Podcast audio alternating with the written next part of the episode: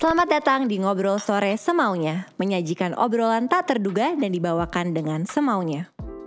Hai semuanya, kali ini spesial banget karena Ngobrol Sore Semuanya berkolaborasi bersama Indomie dalam episode spesial Hari Kemerdekaan Indonesia. Di episode spesial bersama Indomie ini kita hadir dengan topik 17-an di rumah aja, tetap semangat bareng Indomie goreng. Walaupun tahun ini kita kembali merayakan 17-an dengan tetap di rumah aja, namun di momen kemerdekaan ini kita harus tetap memiliki semangat dan jiwa optimis ditemenin Indomie goreng yang rasa dan aromanya khas Indonesia banget. Nah, gue sambil makan ya. Indomie tuh selalu jadi pilihan gue dan gak ada tandingannya dari dulu sampai sekarang. Terutama Indomie favorit gue itu adalah Indomie goreng rendang yang rasa rendang aslinya berasa banget. Dan satu lagi favorit gue yaitu Indomie ayam geprek karena pedesnya enak banget. Apalagi ditambah kremesnya yang bikin makin tambah enak lagi. Dan spesial banget di hari kemerdekaan ini gue ditemenin Indomie yang bikin gue tetap semangat walau di rumah aja. Dan semakin spesial, untuk merayakan kemerdekaan tahun ini, gue kedatangan tamu yang sangat luar biasa. Sosok anak muda dengan karyanya yang keren-keren banget, konten creator yang banyak menginspirasi anak muda. Jadi yuk langsung kita ketemu sama bintang tamu kita hari ini.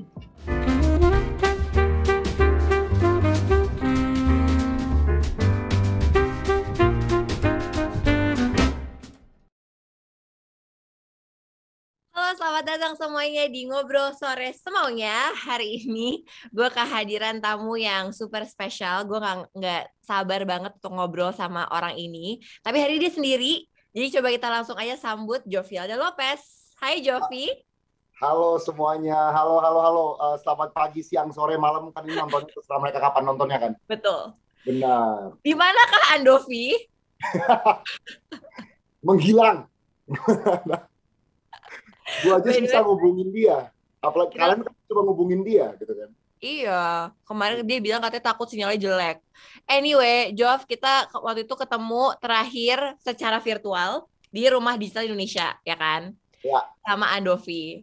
Nah, di situ sebenarnya gue baru nyadar bahwa, oh iya, kita tuh belum pernah ketemu ya sebelumnya. Udah pernah ketemu belum sih sebelumnya, Jov? Ini pertanyaan jebakan bukan? Enggak, gue tuh juga lagi mikir, masa sih gue gak pernah ketemu lo sebelumnya? Belum ya, Jo? Mungkin pernah berpapasan, tapi kayaknya gak pernah berinteraksi gitu deh. Kayaknya ya. Iya. Iya. Oke, oke, kayaknya gue harus ajak ngobrol di ngobrol sore sebau ya sih. Jadi thank you ya Jov, udah meluangkan waktunya. Eh, terima kasih udah ngundang loh. Thank you, thank you. By the way, gimana nih kan udah Agustus 17-an lo udah rencana ngapain? Biasanya lo kalau kemerdekaan ngapain, Jov? Nah, biasanya biasanya waktu gue masih ada channel YouTube ya, uh. biasanya gue tuh bikin video khusus kemerdekaan. Hmm. Biasanya.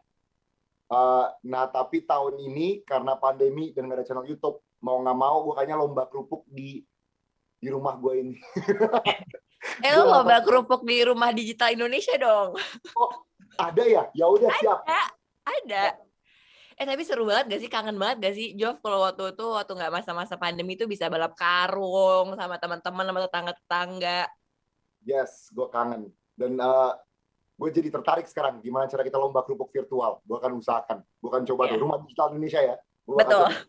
Gue akan coba. Ya, jadi kalau kalau karena lo udah nggak di YouTube lagi, karena lo udah cabut dari YouTube, lo udah nggak bikin konten kemerdekaan lagi dong. Itu dia um, kan sebenarnya bisa aja di tempat lain gitu. Gue bisa coba TikTok, gue bisa coba nah, Instagram, ya kan. Tapi entah kenapa kayak hati gue tuh masih untuk bikin konten-konten panjang yang YouTube gitu. Hmm. Belum belum ada ketertarikan gitu untuk yang short form short form kayak TikTok atau Instagram belum ada. Oke. Okay. Sebenarnya lo bisa bikin tahu bareng sama si EXO. Ya kan? Tinggal Jov? Tinggal ya, nanti kita, nanti kita, kita kerja sama ya. By the way, Jov, kan kemarin tuh sebelum gue ngob mau ngobrol sama lo hari ini, gue kan ngestok lo dulu kan kemarin. Aduh jangan dong. Ya. Gue ngestok lo dulu kemarin, terus gue ngestok Instagram lo gitu. Terus ya. sebenarnya gue tuh pingin nanya ini di akhir, tapi gue nggak sabar. Gue udah super penasaran. Gue lihat di bio lo, di bio Instagram lo kan Future President of Indonesia. Terus gue kayak, wow, ini emang lo pingin jadi presiden atau gimana, wow. Jo? Wow.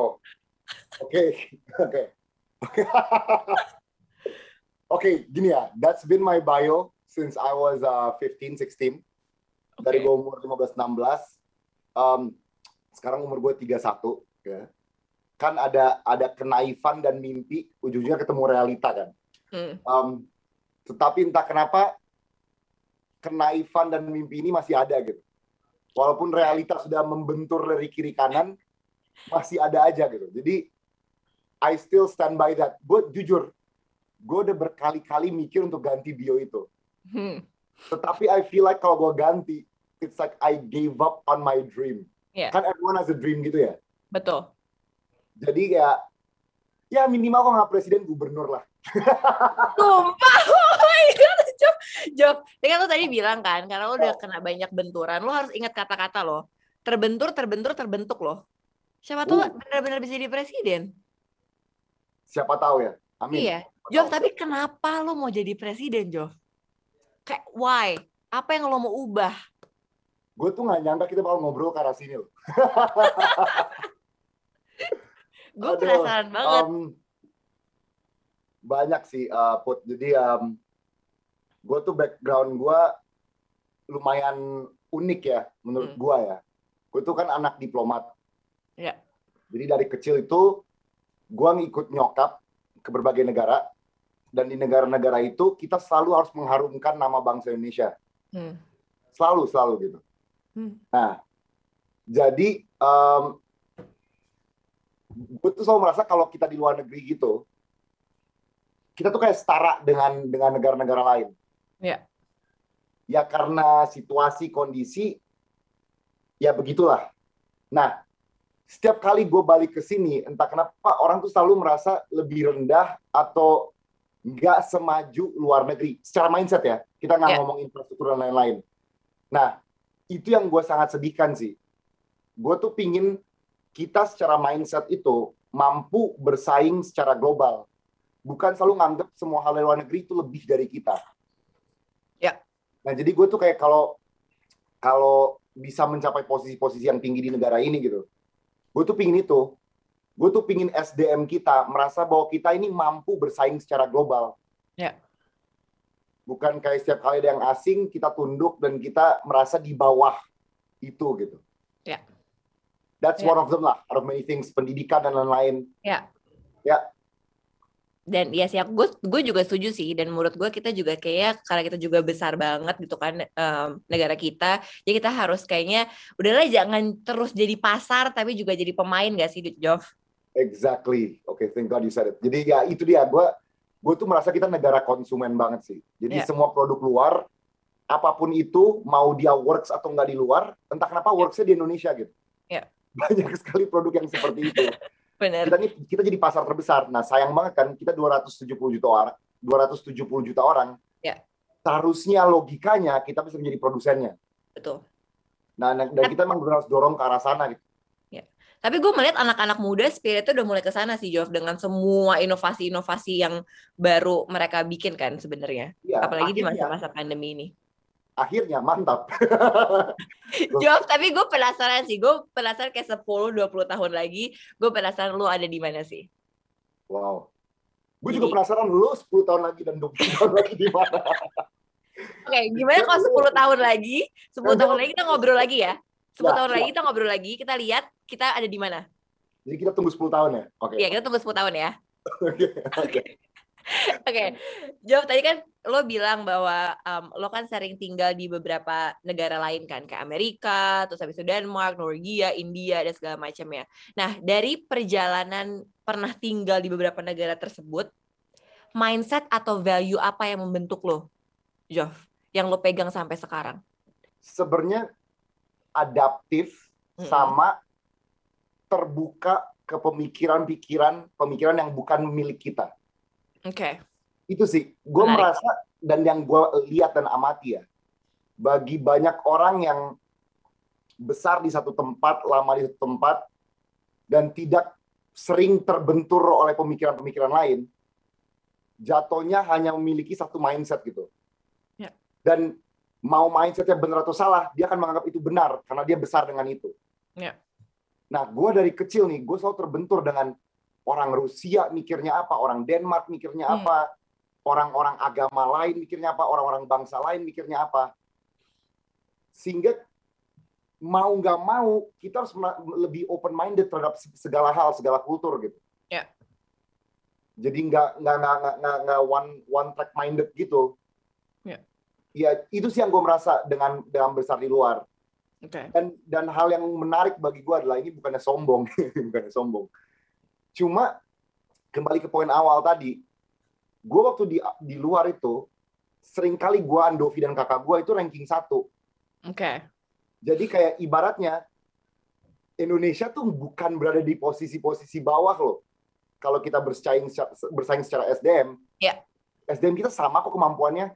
Yeah. Bahkan kita bisa ranking satu di di tempat yang internasional. Dan yeah. bukan cuma kita doang ya, banyak orang Indonesia membuktikan teori dan fakta ini gitu.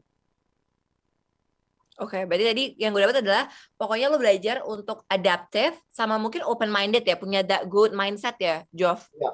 Ya. Oke, okay. Jof sebenarnya kemarin tuh menarik banget karena ngomongin soal tinggal-tinggal di luar negeri gini. Kemarin tuh gue baru ngobrol sama Pak Dino Pati Jalal. Oh, ya ya. ya, ya. ya. Terus Pak Dino tuh nanya pertanyaan ini ke gue. Terus gue ngerasa ini menarik banget dan gue mau nanya pertanyaan ini ke lo. Kayak how do you gain respect how do you gain respect di luar negeri? Karena kan biasanya minoritas atau pendatang baru kan suka dianggap sebelah mata kan, Jov. Jadi how do you gain respect di luar negeri? Ini that's that's a great question. Terima kasih Om Dino Pati Jalal. Sama diplomat ya. Sekarang eh sekarang udah balik, udah balik ya. Udah balik, udah balik. Um, how do you gain respect? Sebenarnya kalau dari pengalaman pribadi gue ya, hmm gue tuh nggak pernah diinjek aja gitu. So gini, Asia, hmm. Indonesia, selalu orang anggap third world country. What is this country? Where is it? Yeah. Uh, what do you guys do? What do you export? Karena personality gue yang bisa mengimbangi energi mereka gitu. Gue jadi nggak, they don't lose respect for me. Kalau gue selalu ketemu mereka terus gue cuma kayak, apa pun yeah. yang mereka katakan iya yeah. iya iya oh gini yuk iya iya gue nggak pernah ngasih masukan gue nggak pernah aktif dalam pembicaraan mungkin they won't respect me mungkin mereka bakal merasa ah ini cuma orang yang ikut-ikutan doang di bawah kita hmm. tapi kalau lu udah ada pendirian dan lu berani I don't think people will lose respect for you itu okay. sih kalau dari gue oke okay. menarik kemarin tuh gue ngomong gue jawab apa ya kemarin ya? Gimana cara gue gain respect ya? Gue sebenarnya kayak pertama I think stay true to value gue. Terus gue yes. tuh merasa justru karena kita dididiknya dengan apa ya kan gue didik di dibesarin di semua di Jakarta kan di Indonesia gitu. Jadi menurut gue ada ada culture dan segala macamnya tuh yang membuat justru kita tuh jadi menarik jadi punya uniqueness gak sih Jov? Yes. kayak punya competitive advantage malah di sana. Iya, yeah, you, you become different kan. Exactly tapi you don't want to become that weird exchange student gitu kan. Yeah. Makanya walaupun you're different, lu tetap harus punya pendirian dan harus berani. Setuju. Itu itu Setuju. itu itu sangat dibutuhkan gitu. Ya, yeah, agree. Oke. Okay. Joaf kan lo udah dari kecil melewati uh, berpindah-pindah ke negara, lalu kuliah. Lo kuliah jurusan fisika, Joaf? Ya, fisika, fisika. Terus pas semester lima ke atas, gue menjuru ke nuklir dan partikel. Wow, menarik nuklir. banget nuklir ya dan dan akhirnya di tahun 2019 uh, lo dan Andovi mulai membangun channel YouTube Skinny Indonesian 24 yes. dan bahkan itu lo menjadi ambassador YouTube uh, YouTuber creator for change Google Waktu yes. itu apa triggernya bikin Skinny Indonesia 24? Kenapa bisa lahir si Skinny Indonesia 24? Oh, that's a good question. Um, jadi yang mulai Andovi. Oh, oke. Okay. Tapi mulainya sangat buruk. Dia tuh kayak cover lagu tapi jelek banget. Oke. Okay? Terus, um, jadi gue tuh sebelum kuliah fisika nuklir ini, gue tuh sebenarnya my passion was in theater. Jadi, oh. gue tuh lulus SMA, sebenarnya gue pindah balik ke Indonesia, abis itu gue masuk IKJ teater. Hmm. Karena I was like, I wanna act. Hmm. Right? Hmm. Udah, gue nggak serak di sana, gue pindah ujungnya ke UI. Nah, and then as time goes on, tiba-tiba Adovi balik ke Indonesia karena kita agak ribet lah kadang-kadang gue yang di sini, dia yang di luar, kadang-kadang gue yang di luar, dia yang di sini, agak ribet lah. Um, dia balik dengan sebuah YouTube channel, right? Okay. Terus tiba-tiba I was like, I need to join this. Okay. Kayak ada ada suara hati aja yang kayak gue tahu lu udah semester 7, gue tahu lu lagi skripsian. Tetapi why is this so interesting gitu? Kayak dulu mimpi gue yang gue gua gua kubur gitu, tiba-tiba muncul lagi. So I went in dan I don't know why I just experienced happiness. Jadi gue bikin satu sketsa, viewsnya cuma seribu, no one knows gitu. Tapi I was just so happy dan oh, this happiness I did not find di kuliah ini gitu. Yeah. So I moved, langsung gue pindah lagi ke YouTube gitu. Ya, yeah. oke. Okay. Ya dan dan kayak sorry gue lu gue liat lu mau ngomong. Gak apa-apa, lu ngomong dulu. dan um, jadi waktu SMA itu waktu SMA kan gue ngambil IB ya dan di IB itu sama gue juga. Oh IB juga? Gue IB juga. Ih jawab susah banget gak sih? Menurut lo susah gak? Menurut gue sih susah ya. Lu ngam ya ya susah. Lu ngambil uh, subjek kayak yang dari group six nggak yang yang arts arts. Ngambil lu ngambil apa? Lu ngambil theater arts group six tuh ada apa aja ya theater arts ada apa lagi inget gak theater arts music pokoknya yang yang kesenian Kan harus ngambil bahasa. Ya, oh, gue ngambil bahasa. Gue ng pokoknya gue ngambil business higher level, economic higher level. Yeah. English okay. gitu. Oke, okay, nah gue higher level gue tuh physics, math. Ya. Yeah. Apa gue lupa lah. Math oh, gue yang paling, lu tau gak sih math gue tuh yang paling bawah, yang studies. Oh, lu math studies? Karena gue gak bisa. lu jangan ngejudge gue gitu dong, dok, Jo. Gue emang gak bisa. Aduh gue tuh banyak banget video ngejudge orang yang math tadi sumpah. Tapi oke okay, hari Jahat ini banget sih lo. Eh gue nggak setuju sih. Lu lu tau kan lima tambah lima sepuluh lu tau kan? Tahu tahu. Ya nyebelin banget asli. Eh nyebelin banget. Ya semua orang tuh eh Jof dengerin ya. Semua orang tuh punya skillnya masing-masing. Benar benar benar. Eh iya look you took econ and business HL that's pretty cool gue aja gue gak berani menyentuh itu itu di HL nah oke okay lah Ya ya ya. Tapi intinya my, my my highest grades were theater and physics. Oke. Okay. Makanya pas lulus gue langsung ke teater dulu. Gak terlalu suka, gue ke fisika, habis itu juga balik lagi ke YouTube, which is basically theatrical juga. Iya. Yeah.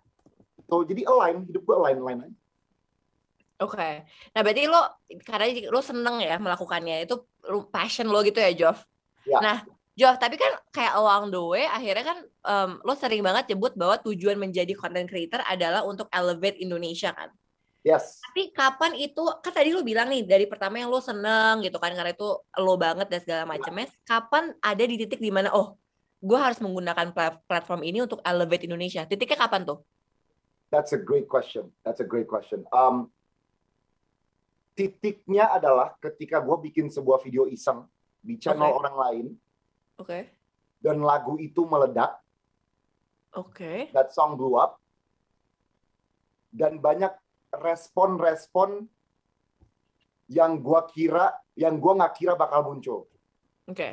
Jadi gini, selama ini kita bikin konten, penontonnya segitu-segitu aja. People in the ecosystem, people yang kenal YouTube, Indonesia zaman itu gitu. Ya. Yeah.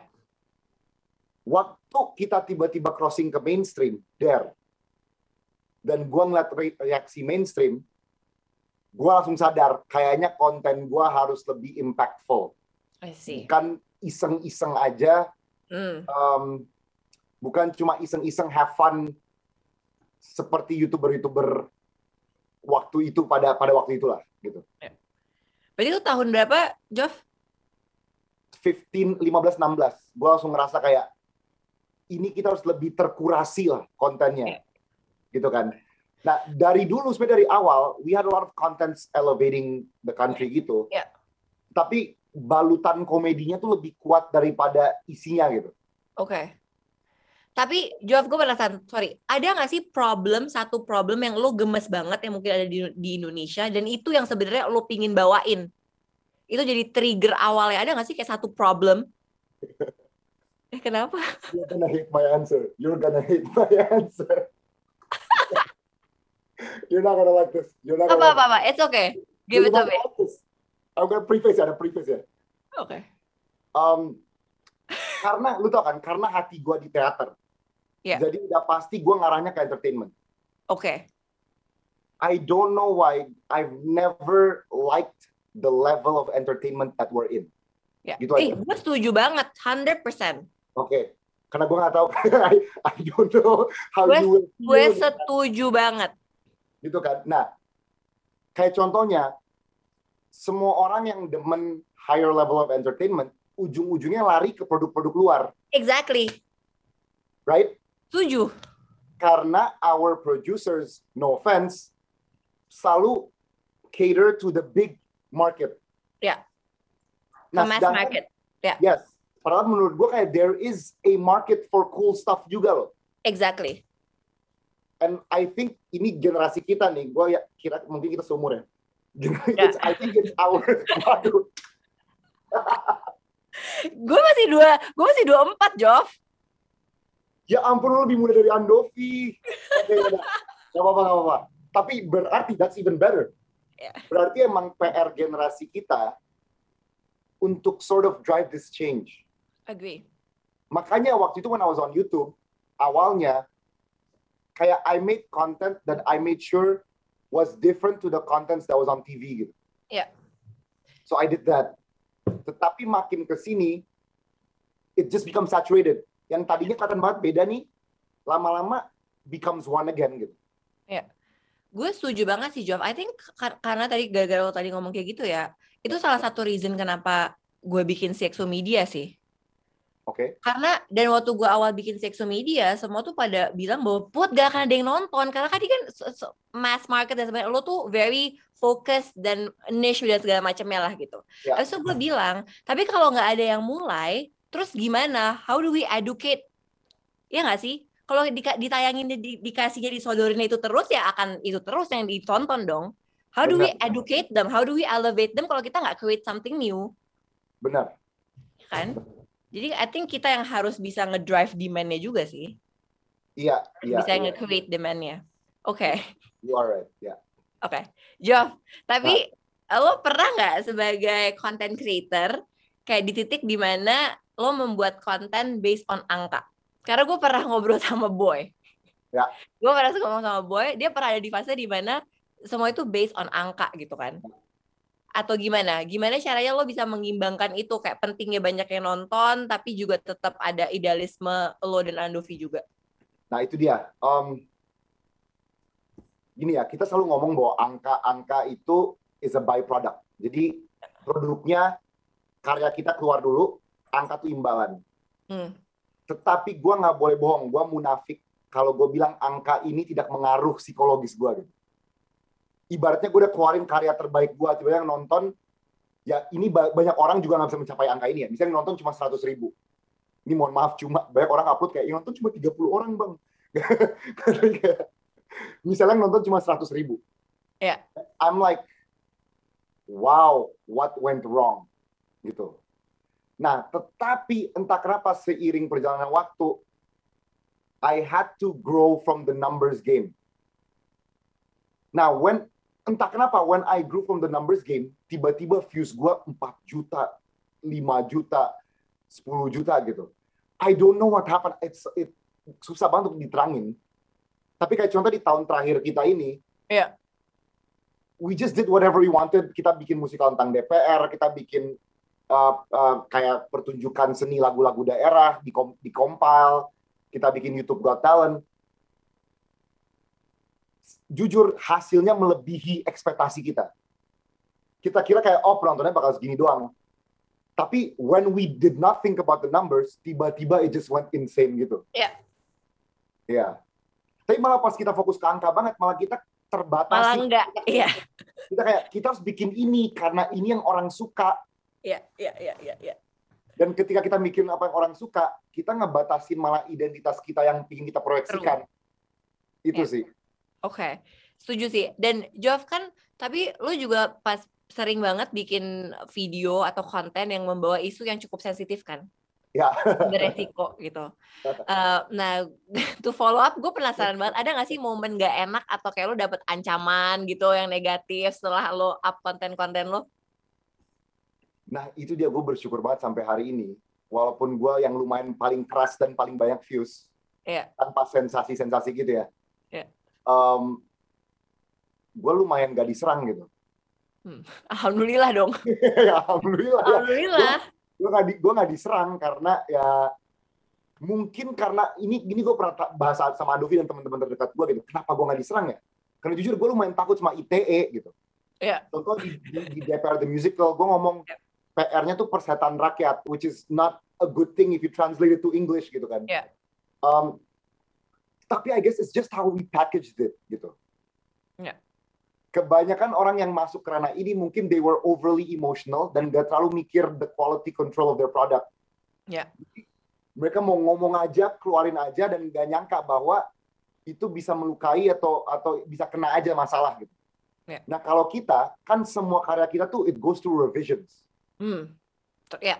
Bahkan yang yang titik-titik tersensitif pun itu kita lewatin revisi. Ya, jadi if I say something to someone, gue mau nggak kata-kata itu juga gue yang dengar, gitu. Hmm. It's like that gitu. Ya. Oke, okay. ya, berarti berarti ya lo prosesnya panjang ya, Jov ya. Jadi nggak asal lo keluarin aja gitu ya. Ya. Nah, Jo, ngomongin soal video-video kalian, gue juga ya. pernah ngomong sama lo kan waktu RDI. Ya. Eh, video terakhir kalian, gue suka banget yang pentas suara Indonesia. Oh. Yang kolaborasi dengan Pancaswara itu gue suka banget. Di mana kan itu sebenarnya bareng Andovi lo menyanyikan berbagai lagu daerah kan. Ya. Nah sebenarnya pesan apa sih yang ingin lo sampaikan, Jov, di video itu? Uh. Ini apa message core-nya yang lo ingin sampaikan? Message core-nya ya. Gua ingin lagu-lagu daerah kita hmm. seseksi lagu-lagu Indonesia, seseksi lagu-lagu luar. Ya, setuju. Seseksi ini tuh emang emang ya kalian interpretasi lah seksi itu apa gitu. Tapi maksudnya seksi itu appealing, enak yeah. didengar, tidak asing gitu. Kayak it's those things. Jadi itu sih. Um, karena lagu budaya kan it's our core identity juga hmm. gitu. Yeah. Ya lagu bahasa Indonesia juga, tapi lagu bahasa daerah, lagu daerah tuh menurut gue perlu diangkat lagi setuju sih dan gue itu gue dengerin terus loh by the way jadi kayak back sound gue kerja atau apa by the way thank you so much loh untuk konten itu Jov wow terima kasih terima kasih Jov by the way gue ah. lihat di komen penonton di video itu Oke. Okay. Lo kan sama Adobe menyanyikan jingle Indomie ya, walaupun nggak sampai iya. selesai. Yes. yes. yang bikin kayak yang bikin auto ingin pin nyanyi juga kan? Nah, gue penasaran kenapa kalian masukin jingle Indomie sih di antara lagu-lagu daerah? Oke, jadi karena banyak banget orang, jujur, banyak banget orang kita samperin, kita kayak kita mau bikin lagu-lagu daerah. Ya. Mereka langsung takut. Hmm. Mereka langsung kayak, aduh, gue nggak tahu nih bakal ada yang nonton atau enggak atau gimana. Yeah. Yeah. But Indomie was like, let's go, gitu. Hmm. So thank you guys, love you, oke. Okay? um, tetapi why did we do that? Yeah. Karena kita tahu orang bakal auto nyanyi. We just know. Yeah, auto nyanyi sih, betul. itu kayak orang tuh pasti bakal nyanyi karena mereka bakal kayak gue tahu nih bagian ini, gue tahu bagian yeah. ini gue mau nyanyi, tapi kita sengaja pas lu nyanyi kita mutein, der. Yeah. Nyebelin banget. By the way, Jeff kali tadi ngomongin Indomie, gue penasaran, random question. Kalau lo sendiri Indomie goreng kesukaan lo apa? Oh, favorit gue udah pasti Indomie goreng. Tetapi, yang apa? Eh, rasa apa? Goreng yang the Indomie goreng. The, oh, Oke, okay. original. Goreng, original, ya. Gue gue udah cobain semua rasa lah, tapi entah kenapa the Indomie goreng is my favorite. Oke, okay. gue paling suka yang rendang. Oh, suka yang rendang ya? Gue suka yang rendang. Karena kayak beneran kayak rasa rendang. Kayak rendang dan Indomie gitu loh. Tolong. Enak banget. Ini gue tuh mau, hey Indomie boleh nggak rasa-rasa dari Flores gitu dikeluarin ya? NTT. Oh iya gitu. benar boleh nggak ya rasa-rasa dari NTT provinsi Aing iya, boleh keluar ya thank you ya, ya setuju setuju oke okay. Ah. di episode tadi kan by the way ini tuh episode spesial kemerdekaan no gila gak? ini spesial kemerdekaan sama lo tekanan lo jadi kita menurut gue di episode spesial hari kemerdekaan ini kita sama-sama perlu untuk saling mengingatkan ya Jov bahwa meskipun di rumah aja penting banget untuk bisa menjaga semangat nih untuk terus berkarya dan tetap um, dan tepat di tahun ini temanya uh, kemerdekaan kita kan adalah Indonesia tumbuh dan Indonesia tangguh. Ya. Jadi semoga kita terus tangguh dan terus tumbuh dan anak-anak mudanya terus tidak takut untuk berkarya ya, Jov. Benar nah, dan kan gue melihat nih, Jov banyak banget content creator atau pekerja industri kreatif yang struggling. Bener gak sih di masa-masa pandemi ini? Bener banget. Um, tapi ada juga yang justru thrive. Kayak lo sama Andovi kan justru dalam satu setengah tahun ini, lo menghasilkan karya-karya yang sangat luar biasa sebenarnya gimana sih Job strategi agar bisa terus berkarya di tengah pandemi ini bahkan bukan survival mode ya tapi how do we thrive di pandemi ini that is a great question that is a great question um, jujur sulit sih sulit soalnya di awal-awal kayak I was like when is this gonna end dan lain-lain kan tapi kayak menurut gua justru as a content creator dan gue sadar bahwa ketika pandemi ini orang kerjanya banyak konsumsi konten. Justru karena itu gue sadar this is the moment you should shine gitu. Karena ini sebenarnya adalah momen ketika semua orang lagi di rumah, they're consuming content. Create the best contents you can create. Jadi gue tuh gue ngeliat the bigger picture. Kalau gue ngeliat mikro kayak keadaan gue ya emang keadaan gue nggak baik tetapi I try to see the bigger picture. Di mana gue ngeliat ini malah marketnya malah this is the time where people are gonna shine gitu. Yeah. Karena ya I don't know I don't know the data tapi katanya they say uh, content consumption just increased like crazy. Ya yeah, during this pandemic. Jadi kalau lu kreator dengan ide-ide kreatif, um, this is the time gitu. This yeah. is the time. And just menurut gue ini emang gampang banget diomongin ya, tapi emang sangat sulit diterapkan gitu. Yeah. You can't give up. Nah, orang bakal ngomong, bang lu keluar YouTube bang, that's a different thing. Tapi kayak you just can't give up. Yeah. No matter what time it is, you just can't give up gitu. Agree. Resilience ya, kita emang resilience. harus resilience. Exactly. True. And dan kalau ngobrol banyak sama Pak Sandi juga waktu sama lo juga Jeff kan dia selalu bilang bahwa kayak creative entrepreneurs atau pelaku industri kreatif itu adalah orang-orang yang sebenarnya resilience. Ya. Jadi menurut gue justru di masa-masa seperti ini kita bisa melihat opportunity-nya banyak banget. Ya. Nah, Jo tadi kan lo bilang nih soal um, lo meninggalkan YouTube. ya. ya kan. Sebenarnya kenapa sih Jov? Kenapa lo tuh memutuskan untuk pensiun dari YouTube sih? Kayak apa emang plan ke depannya apa? Plan ke depannya lo mau ngapain? Oke gini ya, I've said this in so many places, tapi I will try to say it here juga. Jadi gini, gue tuh merasa us and YouTube is a is a love relationship. Oke. Okay. Gue nggak melihat YouTube tuh cuma sebagai platform tempat gue upload konten.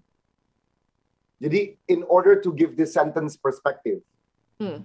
kita kan youtuber dari awal ya. Dari dari Google aja belum ada kantor di sini. Dari mereka baru bangun kantor di sini, kita saling mengenal lah. We're like family gitu. Dan selain itu, selain kita udah kenal mereka dari lama, jujur gue sama Andovi juga banyak terlibat dalam uh, brainstorming bersama orang-orang perusahaan itu. Ya. Yeah. Jadi kita keterlibatan kita sama sama Google YouTube bukan cuma sekedar upload konten, we go in so deep. Iya. Yeah. Orang okay. kira, oh you guys just upload content dan lalala gitu. Yeah. No, it's a love relationship. Nah, hmm. Nah, karena kita bukan karena kita bukan cuma sekedar pemakai, karena kita cinta. We felt like we're not going in the same direction anymore. I nah, see. daripada you hang on to something yang obviously have different vision and mission. Yeah. The Mendingan most adult thing is to just let it go. Gitu. Yeah. Kayak pacaran ya. Yes ini emang analogi cinta gitu. Nah, yeah. banyak orang nggak paham ini karena mereka cuma ngeliat, oh YouTube itu cuma tempat gue upload konten. Yeah, yeah. Untuk kita, it's way more. It's more. Yeah. It's way more than that. Iya yeah, gitu. Oke. Okay. Nanti kan lo kan berkarir nih dan membangun Skin Indonesian 24 kan not a short time ya. Ini kan lama. Ya yeah. kan? Udah 10 tahun kan? 10 yeah. tahun. Sampai akhirnya sebesar sekarang. Gue pengen tahu dong Jo, kayak ada gak sih pelajaran berharga atau momen-momen besar yang lo pasti akan selalu inget? selama membangun si Skinny Indonesian 24 ini untuk 10 tahun? Aduh, gua, aduh, there's so many. Sampai gua aja sedang menulis buku tentang ini. Oh Wah, ya? Gue boleh plug ya, gue lagi nulis buku. Gue boleh okay. gue lagi nulis. Boleh dong, masa gak boleh? gue lagi nulis buku tentang ini jadi kalau bagi kalian yang tertarik dengan perjalanan 10 tahun kita bisa banget. Nanti kayaknya keluarnya pas sumpah pemuda nanti ya. Oke. Okay. kita udah rencanain untuk keluar pas sumpah pemuda. Ya tapi oke. Okay. let thank you. Let me share a moment. Let me share a moment. Salah satu momen yang gue ingat justru ya gini ya kita we got so many deals. Kayak ibaratnya kita diundang NBA kita hmm. diundang Manchester United, kita udah banyak banget momen-momen seperti itu. Tapi entah kenapa, gue tuh paling suka the moments yang waktu kita diajak keliling Indonesia. Jadi kita pernah ada satu momen in our YouTube live, di mana kita ajak keliling Indonesia. Nah kenapa ini berharga bagi gue? Mungkin bagi banyak orang ini biasa aja. Gue kan dari kecil yang seperti gue bilang, diplomat, seringnya ke luar negeri. Jarang banget orang ngajak gue keliling dalam negeri. Jadi gue keliling dalam negeri, dan gue I was like, wow, Ambon tuh sebagus ini loh. Wow, Papua itu sebagus ini loh. Wow, so many cities. Gue ke Kalimantan Utara. Yeah. And I'm like, wow, this is such a great country. Sama ini perspektif gue Jakarta, Bandung, ya the big cities lah, Bali gitu, Surabaya, yeah. Yeah. Jogja. I can't take away Jogja. I love Jogja. Um, tapi then I saw other parts of this country, and I was like, pertama gue kayak, wow, negara ini luas, negara ini punya banyak perspektif, punya banyak pandangan, punya banyak suku. Yeah. Tapi negara ini juga indah gitu. True. So that was like the best moment ketika gue diajak keliling Indonesia. Oke. Okay. Gue iri sih, gue pengen banget semoga pandemi ini cepat selesai. Gue pengen banget keliling Indonesia sih, itu one of the bucket list gue sih. Gue gini, gue pernah diajak ke perbatasan Merauke oh dan Papua Nugini gitu. I would, gue itu bukan sesuatu yang gue bakal booking sendiri on a trip. Iya, iya, iya, iya gue karena sebuah job karena YouTube gue diundang ke sana dan gue ngeliat perbatasan ini crazy stuff like thank you. Terima kasih loh. Yang dulu sering tawarin job. Semoga masih ditawarin. Seru banget sih. Oke okay, Job ya. ini by the way kita nggak kerasa udah mau hampir satu jam ngobrol-ngobrol. Wow. tapi um, biasanya kalau gue ngobrol di ngobrol sore semaunya ada satu pertanyaan yang gue selalu tanya ke semua orang di akhir. Yaitu adalah pesan yang ingin lo sampai kesampaikan ke diri lo sendiri untuk lima tahun ke depan ketika lo nonton video ini. Jadi Jovi umur 35 tahun nonton lagi nih ngobrol sore semaunya. Nah, lo coba Jovi yang sekarang mau sampaikan ke apa ke Jovi yang nonton lima tahun kemudian. Ngerti gak sih? Ngerti banget. Oke. Okay. kalau gue sih um, gue berharap gue yang lima tahun lagi itu jauh lebih berkembang jauh lebih dewasa daripada gue sekarang. Itu aja sih. Kayak don't stop growing aja. Jangan pernah berhenti untuk berkembang secara mindset mindset secara mental health secara everything. Kayak mentally physically mindset just grow gitu. Itu aja gue I, I hope jadi gue gak nyesel gitu pas gue gue lima tahun kemudian kayak lah kok gue masih sama dengan jovial lima tahun lalu? Yeah. I wanna be a better person. Itu aja sih. Oke. Okay. thank you so much. Wow. Thank you so much. gue jadi mikirin pertanyaan ini banget gue kesel sama lo deh. Ini bakal pertanyaan yang gue bakal kayak mikirin sampai nanti malam gitu. Aduh jadi lima tahun lagi dia pas lo nonton lagi dia lo berharap Jovi itu akan lebih bijaksana, akan lebih dewasa, secara semuanya lebih konten lah ya. Ya. Oke. Okay. Yes. Dan udah masuk politik kah? Mungkin. Mungkin. Jawab kayak, kayak kalau 10 tahun kayak agak terlalu lama deh kita ngobrol lagi. Gimana lima tahun lagi aja? Ya udah satu tahun lagi aja deh. Satu. Oke, okay, thank you so much. Dan di momen 17 ini, walaupun kita harus tetap di rumah aja, semoga kita bisa terus semangat berkarya dan berinovasi buat Indonesia seperti Indomie Goreng yang sudah menemani kita hari ini ngobrol bareng bersama kalian. Jangan lupa teman-teman untuk subscribe ke CXO Media dan jangan lupa juga untuk dengerin obrolan kita fullnya di Spotify dan tungguin episode selanjutnya ngobrol sore semaunya hanya di CXO Media setiap hari Kamis jam 6 sore. Bye-bye! Joff, thank you so much.